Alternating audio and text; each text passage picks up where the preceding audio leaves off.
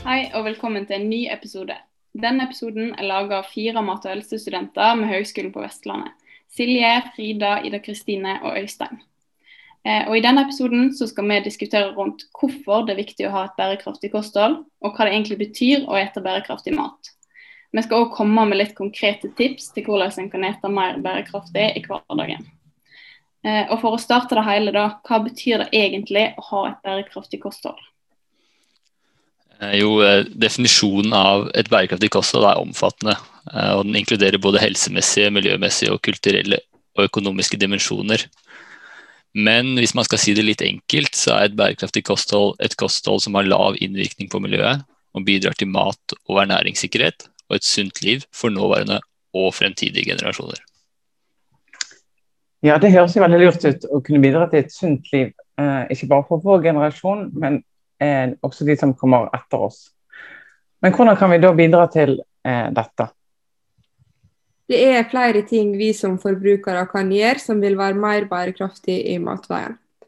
Først og fremst er det fint å ha fokus på å spise lavt i næringskjeden. Det vil si å minske inntaket av kjøtt og basere kostholdet på mest plantekost. Å spise lokalt og sesongbasert vil også være en god idé, ettersom import av matvarer fører til en del klimagassutslipp. Eh, ja, jeg har faktisk prøvd å bytte ut kjøtt med belgfrukter noen ganger, men så begynte jeg å tenke på at de matvarene blir jo importert fra utlandet. Eh, belgfrukt er jo plantekost, men de er jo importerte, så hvorfor kan vi da si at de er bedre enn kjøtt? Ja, det er naturligvis flere sider av en sak. Det er ikke et fasitsvar at plantekost alltid vil være bedre enn animalske produkt. Hvis man ser på det sånn, da, så kan det være mer bærekraftig å spise kjøtt hvis det kommer fra samme område som du bor i. F.eks. hvis du har en slakter i nærområdet som du kan kjøpe kjøtt av. Grunnen til at man sier at plantekost er mer bærekraftig enn kjøtt, handler ikke bare om importen, men også om produksjonen. Kjøtt er øverst på verstinglista av klimagassutslipp under produksjon, og rødt kjøtt er det som slipper ut mest klimagass ved produksjon. Så dersom jeg har veldig lyst på kjøtt, så vil det være mer bærekraftig eh, å finne et alternativ da, til rødt kjøtt? Ja, absolutt. Fisk vil f.eks. være et mer bærekraftig alternativ enn rødt kjøtt. Men i likhet med all matproduksjon, så er det en rekke bærekraftsutfordringer knytta til fisk også. Som f.eks. tap av biologisk mangfold og marine økosystem. Men fisk er også gunstig fra et bærekraftsynspunkt hvis fisken kommer fra bærekraftige oppdrettsanlegg eller fra bærekraftige fiskestammer.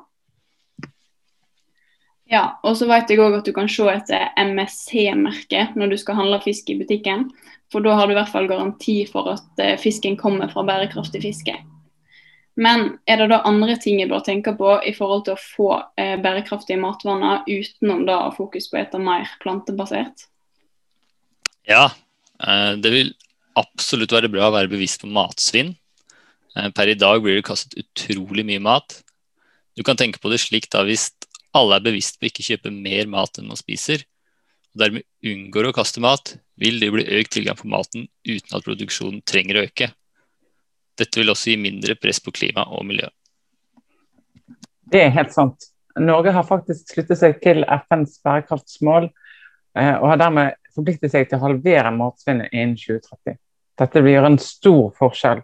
For Statistikken sier som eh, sa her, eh, at vi i Norge faktisk koster 42,6 kg mat hvert år per person. Skal vi klare å nå disse målene, så må man bli en mer bevisst forbruker. Det er flere tips man kan bruke for å bidra til å begrense matsvinn. Først og fremst så handler det om å planlegge innkjøpene dine, og da er du forberedt når du kommer til butikken. De som planlegger handleturen, kaster mindre enn de som kommer uforberedt. Hand i hand med å planlegge handleturen kommer også det å planlegge måltider. Eh, ved å sette opp en meny vet du hva du trenger å handle, og du kan også sette opp menyen ut fra matvarene du allerede har hjemme. Ja, ukeshandling er genialt. Hvis du planlegger godt, så er det enklere å unngå fristelser når du er i butikken. Eh, I tillegg så vil jeg si at det lønner seg å ta best før-datoen med klype salt.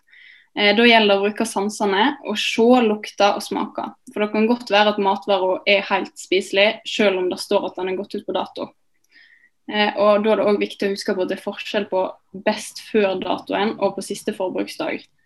Eh, for siste forbruksdag da brukes på mat som kan bli helsemessig utrygg, så den bør du da ikke ete etter den har gått ut på dato. Ja, Det er veldig viktig. I tillegg så vil jeg da tipse om appen Too Good To Go. Eh, denne appen benyttes av alt fra bakerier til butikker eh, for å unngå at de skal kaste maten som ligger igjen i disken eh, mot slutten av dagen. Da, blir det lagt ut en sånn slags forundringspakke som man kan kjøpe for en rimelig penge, og dermed får en forbruker varer som ellers ville bli kastet. På denne måten kan en klare å redusere både butikkenes matsvinn og samtidig spare penger. Ja, jeg bruker ofte To Go To Go, og der får du veldig god mat som ellers egentlig skulle gått rett i bosset. Eh, og I tillegg så er det veldig studentvennlig eh, med tanke på at eh, prisen er veldig god og det er billig. Ja, nå syns jeg vi har fått fra mange gode tips til hvordan en kan ete mer bærekraftig, hvis jeg skal si det sjøl. Eh, men har vi noen tips òg som kan gjøre det lettere å velge de bærekraftige matvarene når du er i butikken og skal handle? Ja, eh, når, du er i butikken så har vi sånne merkinger da, for å hjelpe oss som forbrukere å velge bærekraftige, økologiske og etisk viktige alternativer. Som alle er viktig for å velge noe som er bærekraftig. Eh, noen av disse merkingene er Svanemerket, Blomsten Ø-merket, Fair Trade, Rainforest Alliance, NAF og MSC, som vi snakka om tidligere. Og disse merkingene gjør det slik at forbrukeren vet hva han kjøper, samtidig som de stiller strenge krav til produsentene om at hvis de ønsker å få merking på produktene sine, så må de følge deres krav. For at noe skal være bærekraftig, må det ta hensyn til både miljø, økonomi og sosiale forhold. Dvs. Si at en gård som driver med barnearbeid, ikke vil være bærekraftig, selv om den kanskje er miljøvennlig. Ja, Et uh, utrolig godt poeng. Så dere som hører på, neste gang dere er på butikken, tar dere litt ekstra tid til å se etter disse merkene. Kanskje du ser noe du ikke har sett før? Ja, Avslutningsvis her så tenkte jeg at vi kunne oppsummere dagens samtale med fem konkrete råd til hvordan man kan spise mer bærekraftig. Eh, det første, er, første tipset er å spise lavt i næringskjeden, eh, altså spise mer plantebasert. Det finnes så mange utrolig gode plantebaserte alternativer til de animalske produktene som vi faktisk er veldig vant til å bruke. Tips nummer to er å velge lokal mat, og gjerne spise etter sesong. Eh, da får du begrensa klimagassutslipp ved importen av matvarer.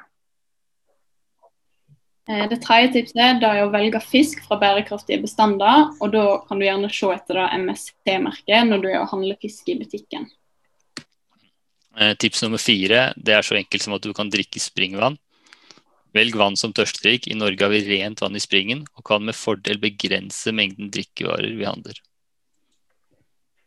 Det siste tipset da vi vil komme med eh, i dag, er å gjøre det du kan for å begrense matsvinnet. Ikke handle mer enn det du spiser eller trenger, og ikke kast mat i bosset. Det finnes så mye utrolig godt du kan lage med matrester, og det er bare kreativiteten som setter grenser i matlagingen. Tusen takk for at du hørte på, og vi håper du har lært noe i dag.